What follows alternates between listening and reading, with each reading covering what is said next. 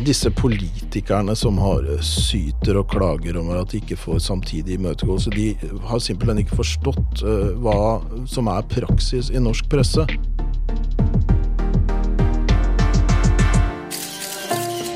Det er så elendig journalistikk at det nærmest burde ha gått inn i komibøkene. vet du. And I want you all to know that we are fighting the fake news. It's fake, phony, fake, fake. Han er omtalt over 17 000 ganger siden oppstarten av nettstedet, som har vært en pain in the ass for en rekke pressefolk, eller MSM som han sjøl ville kalt oss. Helge Lurås er første gjest i Pressepodden. Han omtaler seg sjøl som en redaktør på Resett.no, som skrev om sitat 'usensurerte nyheter'.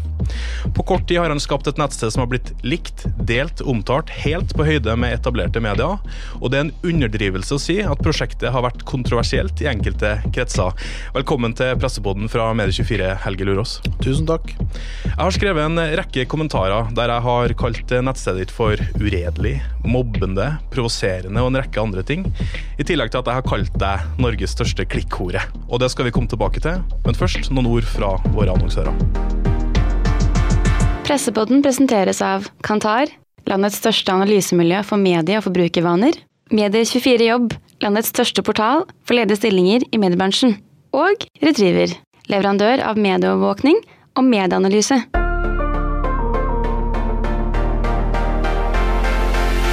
Helge Lurås, du fikk nå for andre gang avslag på din søknad om å bli tatt opp i Norsk redaktørforening. Hva tenkte du da avslaget kom? Nei, Jeg var ikke overraska over det. Jeg, jeg, jeg helte mot at det kom til å bli nei, så jeg var ikke overraska over det. Men eh, jeg var for så vidt litt, eh, litt åpen for at de kunne falle ned på ja. Altså, du, du, du sa at eh, sitat, det er åpenbart politisk motivert at Redaktørforeningen har nekta oss eh, medlemskap, eh, og saken viser hvor viktig det er at leserne støtter Resett. Men, men så sier jo Redaktørforeninga at du ikke forholder deg til alminnelige publisistiske prinsipper. Hvordan kan du da si at det er politisk motivert? Fordi jeg oppfatter det som en, et konstruert argument. Hvis jeg bare kan ta det også, for det var for så vidt ikke noe de kom med i pressemeldingen, det var noe de uttalte til dere faktisk i Medie24, om, som skulle være da årsaken, og det var da bruken av anonyme skribenter som eh, kom med personangrep eh, mot enkeltpersoner, og at eh, det var den praksisen som da var grunnen, altså hovedgrunnen til at de eh, ikke kunne slippe meg inn. Det de da anførte, det var at, eh, at vi brukte også det var særlig ett tilfelle, den såkalte Kenneth Olsen, altså pseudonym på en journalist. Selv om denne journalisten da i hovedsak bare har henta ting fra sosiale medier og ikke utgir seg for å være noe annet. Men som var det problematiske, og hvor vi da i dialog med Redaktørforeningen gikk over da til å bruke redaksjon som byline på det.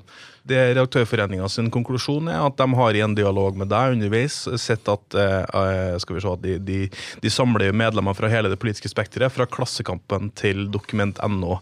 Styret har likevel konkludert med at Resets redaktør ikke oppfyller kravene til medlemskap, sier Hanna Renningberg, som da er styreleder i Norsk redaktørforening.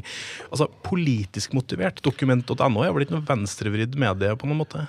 Nei, og, og, det, eh, og det, det er jo det, Men eh, på, et, eller annet vis så eh, Og hva som var grunnlaget for at de tok inn Hans Rustad i 2018, om det var på en måte en glipp eller ikke, eller noe de angrer på noe, noe som gjør det vanskelig for dem nå egentlig argumentere konse, konsekvent. Men han er nå medlem nå, da? Ja. Han er medlem nå, men det er jo det som Men det er Men faller ikke da liksom argumentet ditt litt nei, sånn nei, det gjør fortsatt ikke det. For det som Det jeg nok oppfatter også ut ifra hva som er opptattheten av dere andre som er i mediene, dere er mer opptatt av oss enn dere er av dokument. Av en eller annen grunn. og det er klart Vi har også flere lesere enn dem, men, men, men, det, men allikevel, de har fortsatt mange lesere. Eh, og, det som er, er jo at den praks, det, har ikke vært noe veldig annerledes praksis i dokument enn det er i Resett på de områdene dere, resten av dere i mediene har vært kritisk til oss på. Og dokumentet er da inne, men Resett er da ikke inne. Og jeg tror noe av grunnen, altså det kan man bare spekulere i, men Jeg tror Resett oppfattes som på, leng, på lenge sikt mer av at, at vi har mer, et større vekt, vekstpotensial enn dokument. Det måtte i så fall være grunn, i tillegg til at vi kanskje er litt tøffere i mediekritikken vår enn det dokumentet er. I august 2017 så, så møtte jeg deg utafor Oslo eh, rådhus eh, på, på, sykkel, hvor dere da skulle lansere resett.no. Hvordan syns du at det har eh, gått? Nei, altså Jeg syns jo det har eh, gått eh, Altså det har jo gått bra. Altså, Vi var jo helt ferske. Vi ante jo ikke hva vi gikk til. Det var ingen av oss som starta det her som egentlig kunne noe eller hadde noen forventninger om verken hvor mange lesere vi, vi, vi, kom til å få, eller, eller, eller hvor arbeidskrevende det var, osv. Si, hadde, hadde man visst det, hadde jeg visst det, hadde jeg visst hvor krevende det her ble, hadde jeg visst hvor mye det var å gjøre, så er det ikke sikkert det var bra jeg ikke visste det, for da er det ikke sikkert det hadde blitt satt i gang, for å si det sånn. Altså, vi har fått, eh, Det har vært eh, to, eh, to og et halvt veldig interessante år, veldig slitsomme år, og veldig lærerikt. Hva ville dere oppnå? Altså, vi ville oppnå Vi ville oppnå Vi ville prøve å bidra til en, en, en et, et, et, hva skal jeg si, Å forandre ordskiftet i Norge. Det ville vi. Uh, I en viss grad så har vi nok allerede gjort det. Det skal ikke så mye til å, endre ordskiftet lite grann. Men, så et lite bidrag har vi allerede gjort. Men vi opplevde det sånn at det var behov for, på en del felter, innenriks og utenriks, å slippe til andre perspektiver enn det som var gjengs da i det vi kaller da, de etablerte mediene, eller MSM. Du sa i et intervju med Medie24 i 2017 at dere skal ikke være ensidig eller ikke ha skribenter med bare én politisk farge. Har du lyktes med det? Nei, ikke veldig godt. og Hovedsaken til det er jo at, eh, at eh, folk nekter å skrive hos oss. Eller også mange nekter å la seg intervjue. Eh, jeg har ønska motstemmer, og hver gang det har vært noen som har tilbudt seg noe eller sagt ja, så har vi sluppet dem til. Eh, og dette med bredde er jo altså det er på meningssiden. Eh, det har ikke vært så mye bredde på meningssiden som jeg skulle ønske, men det er ikke opp til oss. Ja, er dere et sånn type, litt sånn, Vil du karakterisere dere sjøl som en sånn litt sånn alt-right, eh, eller eventuelt en litt sånn høyre breitbart-side i Norge, på en måte? Altså, vi er ikke nå følger jeg jo ganske mye med på, på, på Breitbart. og det, altså På noen, noen, noen av artiklene uh, så, så, kan være, så, kan vi være, litt Breitbart-aktige, men vi dekker jo et mye bredere, en mye bredere tematikk. Vi er, vi er mer, man kan kalle det mer mainstream enn en, en Breitbart. Er liksom, Dere er mer MSM enn uh, Breitbart? Ja, men altså, vi kan si vi er mer sånn ikke sant, Mer over hva skal jeg si, på Fox altså Fox-siden, men, men altså, veldig mye av stoffet vårt er mainstream. Mm. Og Det er jo også noe av det vi promoterer på nettsiden. Det er jo ikke sånn at vi prøver å skape et ekkokammer for leserne våre. Vi gir dem jo NTB-meldingene. Selv de NTB-meldingene som, som, har en vinkling. Mm. Om Trump-stoff, Midtøsten, en del av Vi, vi legger ut det også. Du, du, sier jo det eh, i, i, spaltene, eller om du sier det, eller i hvert fall spaltistene, så skriver jo det om at på en måte litt sånn kampen mot det etablerte mediene, eh, pressen, altså den type ting. Og så publiserer du jo vanvittig mye fra MSM. ikke det er veldig sånn å skyte seg sjøl i leggen? Nei, egentlig ikke. For det er jo ikke sånn at man må Nei, for, for det første så så handler jo det om at man ikke skal være redd for perspektiver. Altså, vi presenterer det for leserne våre. og det er jo ikke sånn at vi at tenker at nå kommer de til å bli fanga inn av MSM-boblen, eller fordi de leser der, så kommer de til å være mot oss. Altså, vi ønsker å skape reflekterte, eller være bidra til å ha reflekterte lesere som kan vurdere selv. Og det innebærer å, å ha en bredde i, i, i, det stoffet som presenteres, inkludert perspektivene. Og det er jo ikke sånn at vi mener alt som foregår i de etablerte etablerte mediene i Norge er ren galskap og vinkla og politisk. Det, det, det, går jo på visse sånn, sensitive saker. Hvilke da? Altså I Norge historisk sett så har det jo vært på, på innvandring, innvandringssiden som har vært det, det, store. Det som faktisk trigga i veldig stor grad, og jeg tror var en nødvendig forutsetning for, for at Resett i hele tatt ble etablert, at vi som gjorde det, eh, kom sammen, det var jo dekningen av Trump. Mm. Dekningen av utenrikspolitikk. Den hadde jeg for så vidt vært kritisk til lenge i mine tidligere eh, oppgaver, men det ble veldig tydelig at, at her er det et marked for noe annet når det gjelder Trump. Nå er det jo i tillegg eh, klima som, som, i økende grad er, er, et, er, et, er et, en tematikk som jeg mener MSM, de etablerte mediene, har et ensidig eh, Hva skal jeg si eh, Legger fram ensidige argumenter på. Men vi, vi snakker jo ikke om noe annet enn innvandring og klima og de type temaene her. Altså, er det underdekkinga eller er det vinklingene du reagerer mest på? Eh, Altså Når det gjelder eh, klima, så er det vinklingen. Definitivt. Det er holdt jeg på å si, mer enn nok altfor mye. uh, i, Men- i dette. Men, men, men ta, la oss ta innvandring. Vel, altså det, har jo blitt mye si, Det har blitt mer dekt etter hvert. Og det, det, har jo, det er, sier jo de fleste i de etablerte mediene nå, at man hadde tidligere berøringsangst osv. Men, det- men det er det jeg sier, at innvandringen har vært viktig. Den er ikke så viktig for oss nå lenger. Eh, og det har skjedd mye allerede bare på de to årene siden vi etablerte. Mener du at dere har skift, gjort et skifte i, i pressen, eller jordskifte? Ja, altså Vi har, vi har endra fokus, for det er ikke noe poeng å slå inn åpne dører.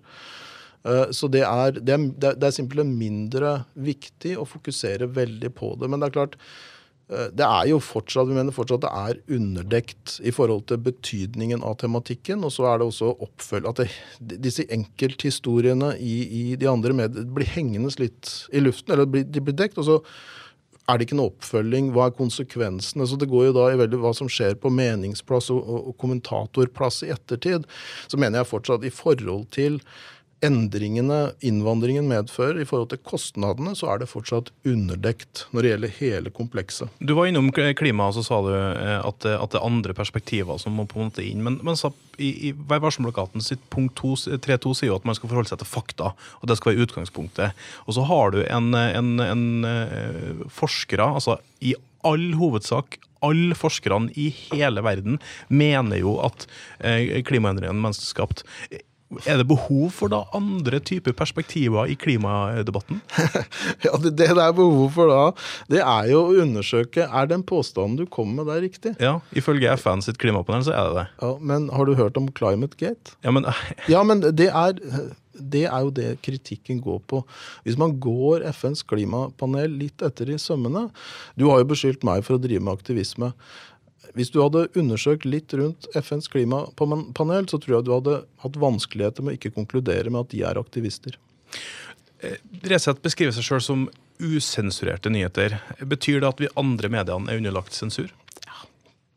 Altså, Selvsensur vi, vi, vi driver også selvsensur, så det er bare et, et slagord eh, som, som, som brukes det fra vår del. Alle, vi driver alle med, med sensur eh, av oss selv eh, hele tiden, men vi mener vel kanskje at sensuren er i større Altså Den implisitte selvsensuren i de andre mediene er, er påfallende.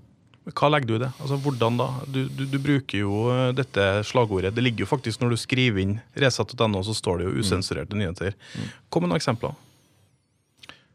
På, Når er medien, de etablerte mediene sensur? Nei, altså, du, du kjenner jo til det at man, når man sitter på et, en nyhetsdesk eller man, man har et redaksjonelt ansvar, så er det noen saker man velger ut, og andre saker man velger å ikke ta. Det er simpelthen for mye som skjer til at man kan rapportere alt.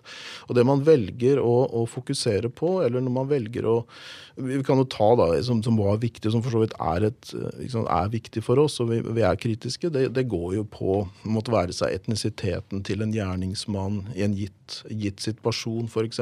Rapporteringen av det, som, som jo ofte Resett dokument skiller seg fra det andre. altså Hvis vi får tak i det, så pleier vi gjerne å, å si noe om det. sant?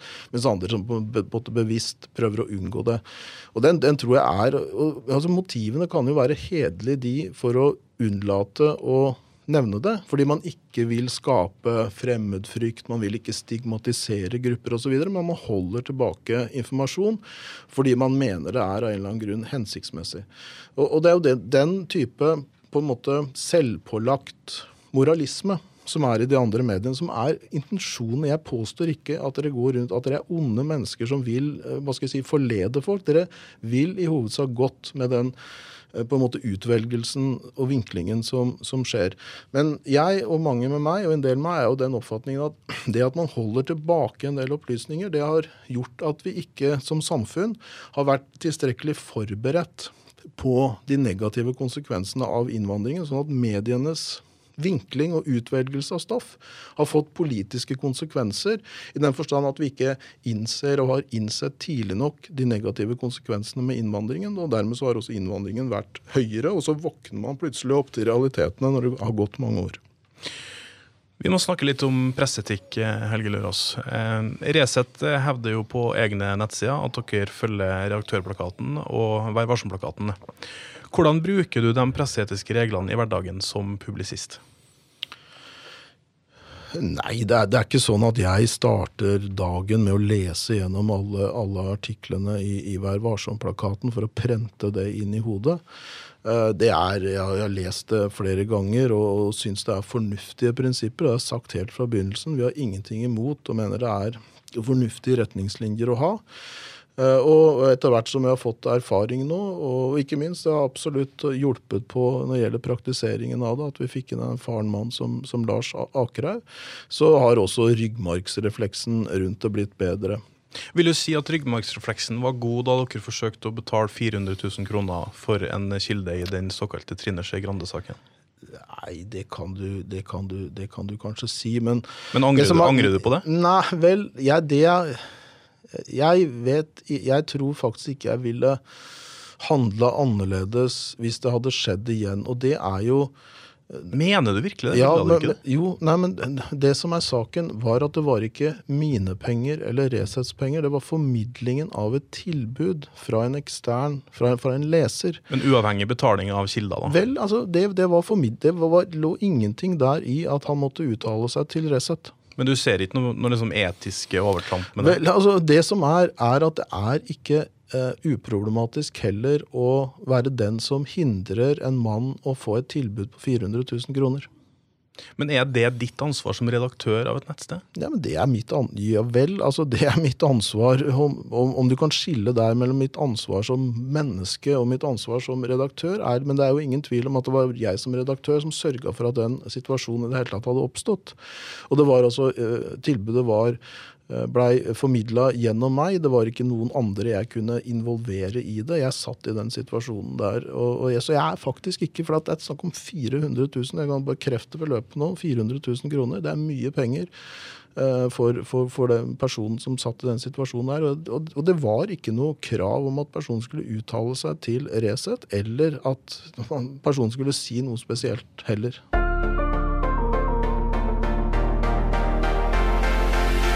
Pressepodden presenteres av Kantar, landets største analysemiljø for medie- og forbrukervaner. Medier24 Jobb, landets største portal for ledige stillinger i mediebransjen. Og Retriever, leverandør av medieovervåkning og medieanalyse. Eh, du sier jo at du følger redaktørplakaten. Eh, en av de tingene som har vært grunnen til at du ikke fikk komme inn i Redaktørforeninga, var jo bl.a. det at du oppfordra til boikott av andre medier. Er det noe du angrer på? Nei, det syns jeg var temmelig humørløst av, av Redaktørforeningen å, å, reagere på det. Det var jo for det første noe jeg skrev relativt humoristisk. Det er ikke sånn at jeg, jeg lider Jeg håper i hvert fall ikke jeg lider av stormannsgalskap. Og jeg tenkte at her vil dette vil virkelig ramme de andre mediene. Nå vil folk slutte den sommeren der å lese dem fordi Helge Lurås sier det. Det var litt spøkefullt. Og at eh, Redaktørforeningen trakk fram det der, det syns jeg var litt sånn De mangla argumenter for å holde meg ute ute, og her fant de, her fant de noe det, det, det, den, den, begrunnelsen der, den, den syns jeg var merkelig fra deres side. Vi var litt innom på, på, på hva du eventuelt Liksom, du, du, har sagt at du har hatt en reise rent presseetisk også, at du har liksom, eh, som redaktør også opplevd å få mer kunnskap opp gjennom de to, to og et halvt årene her. En av de situasjonene jeg har lyst til å spørre deg om, er jo eh, det som går med å la anonyme skribenter få skrive eh, kan du si, veldig kritiske tekster mot enkeltpersoner. Sumaya er jo en av disse. Er det en sånn type situasjon du tenker kunne vært håndtert annerledes, eller, eller er det eh, Ja, ja, nei, det er det. Akkurat med Sumaya Ida Ali så, så er det Vi skrev for mye om henne. Eh, både, hva skal jeg si under, av folk som skrev under fullt navn, og, og journalistiske artikler og også meningsartikler. Det ble for mye. Eh, Det ble for mye, eh, og det burde vært Vi burde eh, stoppa det mye tidligere. Jeg visste jo, forsto for ikke mye hvor mye, hva slags sprengstoff hun var heller. Altså, men, men hun, hun fungerte åpenbart som en rød klut. Veldig mange som engasjerte seg i saken. og da Hun ble jo et symbol. Det, altså, det var riktig å sette fokus på det, fordi jeg mener hun Det, var, det sto krefter bak som hensiktsmessig brukte henne og skjøv henne foran seg. Og hun kom uforvarende i en situasjon hvor hun fikk altfor mye oppmerksomhet eh, på seg, og, og deler av det ansvaret har definitivt eh, vi, og det er en av de tingene som skulle vært gjort annerledes. Har det her gnagd på deg? Hun er jo ute av offentligheten nå. Ja, altså Gnagd, gnagd på det. Altså det Gnagd på meg, det, det jeg, jeg har det ikke godt hvis eh, det er noe vi har gjort som, som har skapt alvorlige problemer for eh, Sumaya Dali. Eh, grunnen til at jeg går innom en så enkelte konkrete eksempler, er jo nettopp fordi at eh, du har jo søkt eh, eh, i, altså, et ønske om å bli med inn i Redaktørforeninga og litt den type ting. Og Derfor så mener jeg jo at det er relevant å stille deg noen spørsmål om hva du har lært rent presseetisk, nettopp fordi at du ikke kom fra mediefaget i seg sjøl. Er det andre typer situasjoner hvor du tenker i løpet av de to og et halvt årene at liksom, "Eh, det hadde jeg kanskje ikke gjort i 2020? Altså Er det, eh, er det noen ting som ligger top of mind som, som du ville gjort annerledes i dag? Ja, altså eh, Jeg ville vært litt, litt raskere med å, med å Hva skal jeg si Vært noen minutter tidligere ute med å kontakte Trine Skei Grande. Mm. Uh, Hvordan da? Nei, altså eh, det, altså det tok fem minutter fra første sak ble publisert til, eh, til, til jeg tok kontakt med henne. Eh, Det burde, altså burde kunne gi, gitt henne litt mer tid, selv om det var årsaker til at det ble gjort på den måten også. Men jeg ser i ettertid så kunne, kunne jeg gjort det på den måten. altså Rent formelt Det hadde ikke endra noen ting. Hun hadde på en måte mer eller mindre gjort, gjort det samme uansett. Men rent i formaliteten i forhold til presseetikken så er det ikke noe tvil om at det, det var ikke riktig gjort. Eh, andre ting, vel, altså vi skulle, vi skulle Om det liksom direkte går på presseetikken, men i hvert fall i forhold til ting som har vært skadelig for Resett og omdømmet til Resett, så er det at vi burde, og jeg burde ta tak i og, og stramma inn på kommentarfeltet litt tidligere. Eh, nå fikk vi liksom på en måte ikke virkelig uh, systematisk og liksom virkelig gjort det på en måte som har balansert ulike hensyn før, før, før i august i år. Jeg hadde kanskje litt naivt eh, forhold til det med ytringsfriheten der. eh, Og så og, og, og har undervurdert litt hvor mye, hvor mye trykk det kan bli mot altså Sumaya er én ting, der tar vi absolutt selvkritikk. Men de aller fleste andre tilfellene så er det jo mektige personer vi har vært ute og kritisert. Offentlige personer, medie, mediepersoner, journalister, eh, politikere osv. Vi, vi har på en måte sparka oppover, ikke nedover, med unntak da Sumaya, som jeg tar selvkritikk på. Men, det, men selv for mediepersoner så ser jeg at det kan bli, det kan bli et voldsomt trykk. Altså Resett har såpass mange lesere, sant, sosiale medier, så kan det spre seg veldig fort. og er, altså Vi har jo det mest aktive kommentarfeltet i Norge. Det kan være hundrevis av kommentarer under en artikkel. Og når de er liksom, veldig kritiske eh, til personer, så, så det har- kan det bli for mye trykk. Og det har også vært sluppet gjennom for mye usakligheter. Det har blitt omtalt som grums av enkelte, altså, og så har du sagt at du forhåndsmodererer eh, kommentarfeltet. Eh, hvordan foregår det rent praktisk? Hvem er det som gjør det, liksom? Så vi har en pool på det er vel en syv-åtte eh, moderatorer som, som, eh, som modererer, i tillegg til at eh, andre stepper inn og hjelper, eh, fordi at nå er volumet så blitt så vanvittig høyt. Men hvis du har et forhåndsmoderert eh, kommentarfelt, hvorfor slippes gjennom liksom, eh, kommentarer som sammenligner altså, terrorister med motstandsfolk, sånn som det var i, i Christchurch-saken? Nei, altså uh, er det en glipp, eller er det en linje som du står for? Nei, det er Hvis Du kan si I utgangspunktet så mener jeg det er innenfor ytter... Altså, ut, er det ideelt, Ja. ja. Hvordan begrunner du Ja, det? altså det er Jeg tror det er sånn rent innenfor, innenfor Du vil ikke Innenfor straffeloven, absolutt. Men, men vi har jo måttet bevege oss langt vekk fra straffeloven. Altså, du forholder deg jo til presseetikken, eh, som går enda lenger enn straffeloven igjen. Ja, det kan du si, men nå er det ikke Det, det, det eh, jeg, jeg vet ikke om du vil innenfor presseetikken finne noe, noe konkret i forhold til akkurat det der med om man sammenligner med det ene eller det andre. Det, det går jo mer på sant, personer, enkeltpersoner, og trusler og sånne ting. Å håndtere den, den, den pakka der. Men når det gjelder folks holdt jeg på å si, oppfatninger av hvorvidt noen er det ene eller det andre, så, så mener jeg, kan jeg ikke se at presseetikken kan være klar på det. Du må jo kunne si, hvis du tar det historisk om noen eh, sant, omtaler profeten Mohammed som en pedofil overgreper, skal du liksom slette det? Eller sant, noen som, som mener at han var en motstandsmann, eller noen, du kan ikke, noen andre som mener han var liksom en landeveisrøver og en banditt. Altså, det er at man er uenig selv i at denne terroristen var en motstandsmann, er ikke et sånn enkelt grunnlag for å slette noe. For hvis du først går inn i den du går inn i den måten å tenke på, eller f.eks. går inn og tenker sånn dette er jo smakløst. Det er mye som er smakløst. Det jeg har sett der, er at det er egentlig ikke noe sted du naturlig kan stoppe før du vil stoppe ved dine egne meninger. Det eneste du slipper igjennom, for det eneste du kan forsvare, er dine egne meninger. Og da, da, da, ender, da har du ikke lenger noe kommentarfelt. Og det er kanskje grunnen i de her dilemmaene som gjør at alle andre medier har da slutta med det. Jeg husker Stefansen var det vel i Nettavisen som sa at han var så letta når de ikke lenger hadde det der kommentarfeltet å forholde seg til. Og det er jo absolutt en hodepine for oss også. Eh, måtte, for Er det noe dere andre bruker til å kritisere oss på, så er det kommentarfeltet. Det er kommentarfeltet, kommentarfeltet, kommentarfeltet for liksom å bruke som en rennestein på, på Resett. Eh, men Syns du den kritikken er uberettiget? Nei, altså Eh, det er eh, Det er eh, det, det, det er det er mange ting som har sluppet gjennom i kommentarfeltet på Resett opp gjennom tiden som burde ha vært sletta. Mm. En del av det som vi da har sletta når vi er blitt gjort oppmerksom på det. Og det er jo ditt, ansvar, Synes, og det er ditt ansvar. Ja, absolutt. og Jeg løper ikke fra det ansvaret. Men, men jeg mener også at det er det har vært et urettmessig fokus på kommentarfeltet til Resett. Og når vi har påpekt hva kommentarfeltet er, hvordan kommentarfeltet ser ut andre steder, eller f.eks. på den tiden de faktisk hadde et åpent kommentarfelt, VG, og ting som fortsatt ligger ute på nettet, av drapstrusler og det ene med det andre, det er det ingen som reagerer på.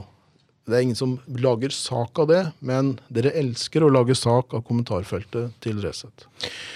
En ting som jeg har irritert meg veldig over med, med, med dere, eh, og det har jo vært noe jeg har skrevet om i flere kommentarer også, det er at jeg mener at det er veldig liten forskjell mellom en meningsartikkel og en journalistisk bearbeida, kan du si, en, en, eh, en ikke-subjektiv artikkel. da. Eh, eksempler på det har vært dere har skrevet Tor Gjermund Goebbels Eriksen tar kontroll over Satiriks. altså det har, vært, eh, det har vært veldig mye forskjellige typer ting som har vært usikkert om er, det, er dette en mening eller er dette, dette en nyhet. Kjenner du deg igjen i at eh, det er lett å kritisere dere for det?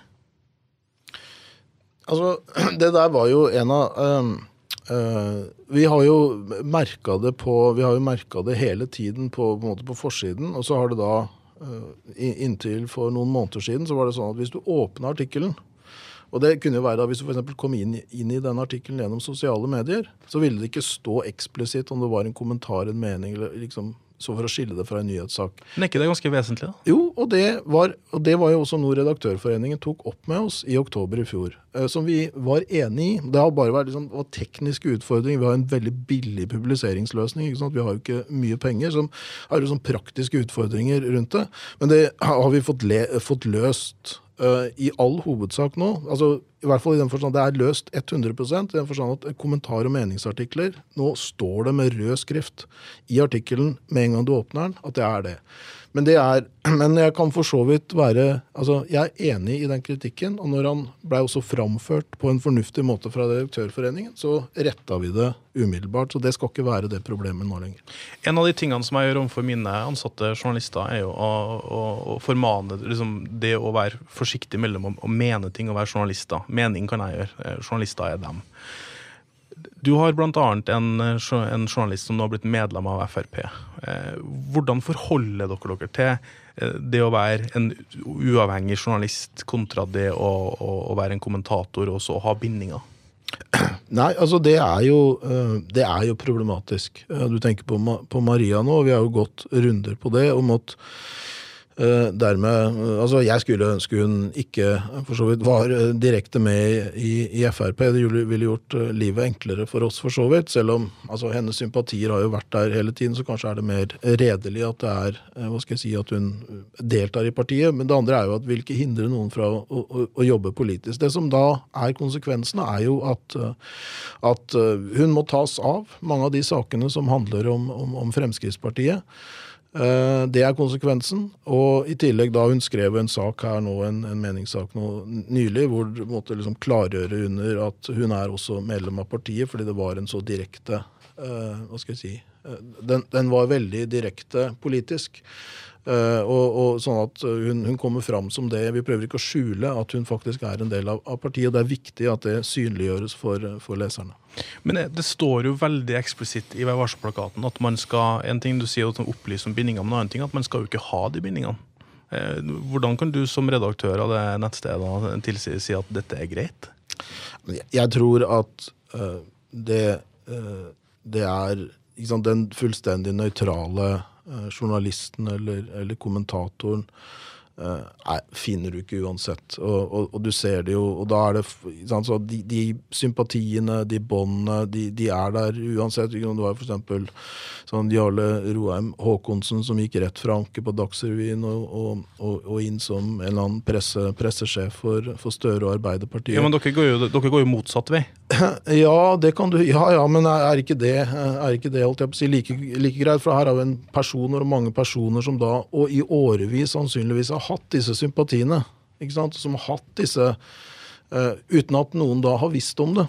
Nei, Så jeg kan ikke se at det er noe det, er, det ene er noe verre enn det andre. liksom det er å late som man er fullstendig uavhengig og ikke har noen sympatier. Men du sier jo at du følger Vær varsom-plakaten, og der står det på punkt 2.2 eh, redaktøren og den enkelte redaksjonelle medarbeider skal verne om sin uavhengighet, integritet og troverdighet. Unngå dobbeltroller, verv, oppdrag eller bindinger som kan skape interessekonflikter eller føre til spekulasjoner om inhabilitet. Hvordan forholder du deg til det, da? Hvis du er medlem av Frp og skriver om Frp? Nei, altså det, det, det I hovedsak, som, som sagt, altså hun er tatt av de fleste saker som, som, som Nå er hun jo på, eh, sant, på et veldig lavt nivå. eh, Er på, på ikke Grünerløkka, et lokallag som sådan. Så hadde det vært, hadde vært stortingspolitiker, så hadde det vært eh, annerledes. En siste ting på presseetikken jeg vil snakke med deg om, det er eh, bruken av samtidig imøtegåelse. Altså Når noen blir kritisert for noe alvorlig, så skal de få anledning til å svare før man publiserer. Dette er jo noe dere har fått kritikk for gjentatte ganger, bl.a. fra en, eh, en stortingsrepresentant eh, fra, fra Høyre. Det har vært Jeg har kritisert dere, det har vært litt den type ting. Hvordan forholder du deg til samtidig, samtidig imøtegåelse? Når har man krav på det i Resett? Nei, altså øhm, jeg, Disse politikerne som har syter og klager over at de ikke får samtidig imøtegåelse, de har simpelthen ikke forstått uh, hva som er praksis i norsk presse i forhold til, og, og forskjellen på samtidig imøtegåelse og det som er tilsvarsrett.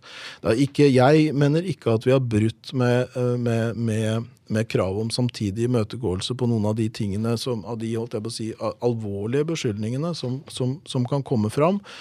Eh, altså der, der, det der er må skille litt mellom Det kan ha kommet fram alvorlige beskyldninger i kommentarfeltet som de ikke da har fått samtidig imøtegåelse på. Men det tror jeg ikke har vært praksis noe annet sted heller. Og det er jo ting som uansett burde vært luka ut. Men det gjelder andre saker som vi har gravd fram, og det har vært liksom, da har folk fått samtidig imøtegåelse. Men det disse, disse politikerne i veldig stor grad har reagert på, og noen journalister også som vi har skrevet om, det er at de burde vært kontakta på forhånd. Men dette er i all hovedsak bare ting de selv har sagt på sosiale medier, som vi har gjengitt. Så at man skal ha samtidig møtegåelse på sine egne uttalelser, det er jo temmelig underlig. Og så er det da dette med tilsvarsrett. Men er ikke redaksjonen sitt ansvar å sørge for å få dette tilsvaret? Man sitter ikke og venter på at noen skal sende det inn? jo, der, og der er det Altså, vi er en liten reaksjon, men jeg skal jeg fortelle deg det. Men vi er jo mindre enn dere. Vi gjør jo dette hver det- dag. Men vet du hva? Dere er de eneste som gjør det også.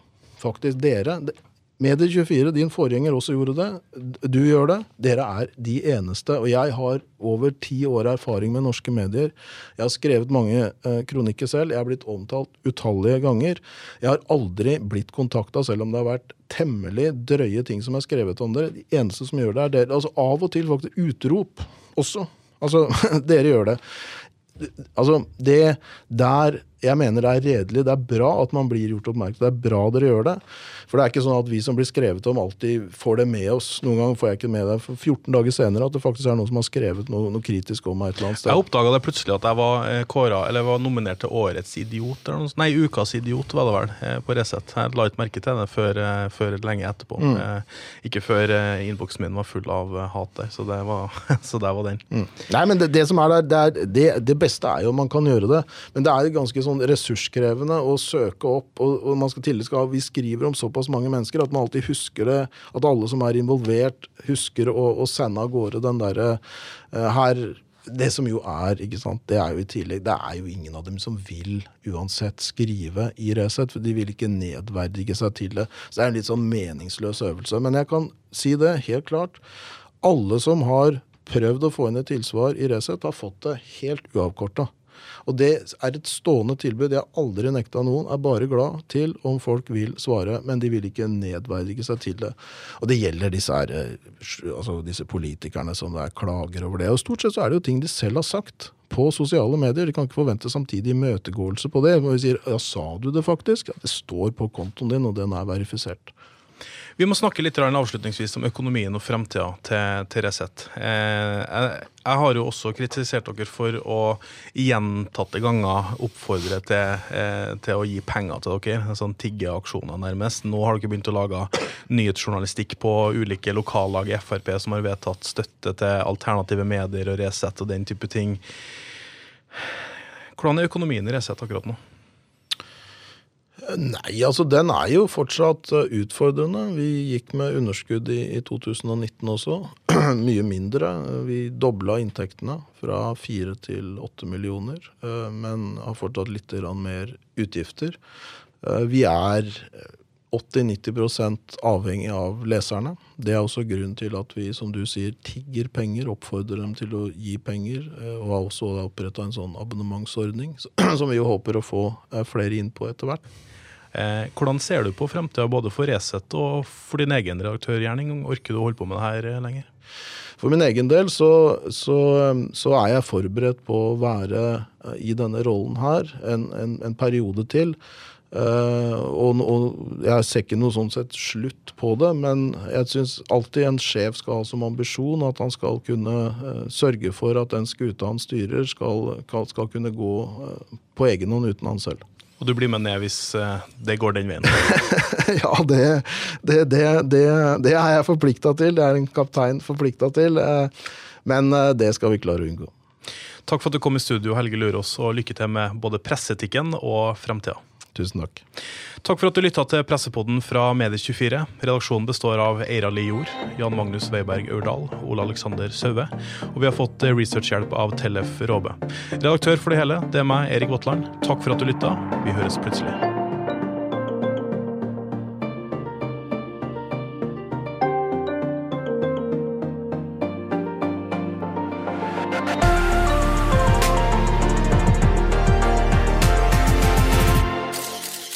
Pressepodden presenteres av Kantar, landets største analysemiljø for medie- og forbrukervaner.